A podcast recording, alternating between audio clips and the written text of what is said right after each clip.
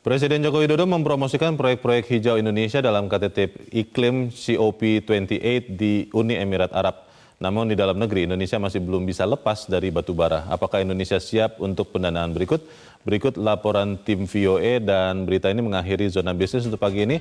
Teman-teman yang bertugas dan saya Luna Samusia mengucapkan terima kasih untuk kebersamaan Anda. Selamat pagi, sampai jumpa. Ketika berpidato dalam KTT Iklim di Dubai, Presiden RI Joko Widodo mengatakan Indonesia mengejar target pengurangan emisi dengan antara lain pengembangan energi baru dan terbarukan. Jokowi membanggakan pembangkit listrik tenaga surya PLTS terapung di Cirata, Jawa Barat dengan total kapasitas 192 MW yang baru diresmikan pada November. Namun untuk mendanai proyek sejenis, Indonesia perlu dukungan besar dari negara-negara maju.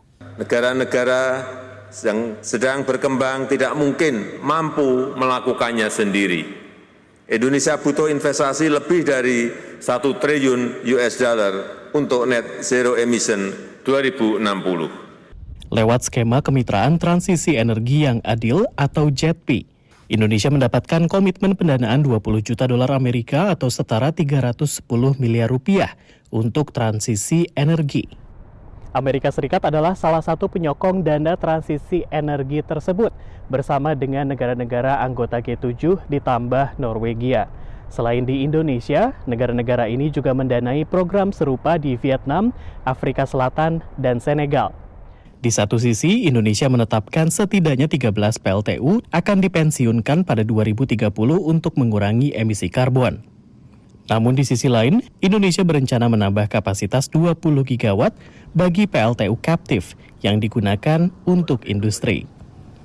Hal ini perlu dicermati oleh negara-negara penyokong dana transisi energi, ujar Tiza Mafira yang juga menghadiri KTT Iklim COP28. Sebenarnya perlu dianalisis dulu uh, berapa sih sebenarnya, di mana aja, kapasitasnya berapa, uh, karakternya apa. Itu dulu kan datanya dibuat transparan. Yang kedua yang perlu dilihat apa sih um, skenario-skenario untuk mendekarbonisasi itu juga gitu. Jadi uh, mengatasi jangan sampai benar-benar emisinya uh, seperti rencana yang sekarang gitu loh dengan emisi 20 gigawatt itu. Asosiasi Batubara ingin PLTU tidak dipensiunkan, hanya dikecilkan kapasitasnya. Phase out itu bukan pilihan yang bijak dan pemerintah Indonesia dalam hal ini telah tepat mengambil kebijakan face down ya secara gradual ya. Namun pegiat lingkungan mengingatkan ongkos tersembunyi yang harus dibayar yakni kerusakan lingkungan dan kesehatan masyarakat.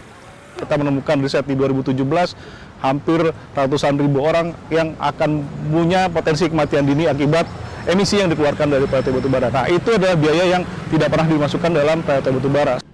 Per 2022, batubara mendominasi 67 persen kebutuhan listrik di Indonesia. Dari Washington DC, Rio Tuasikal dan tim VOA.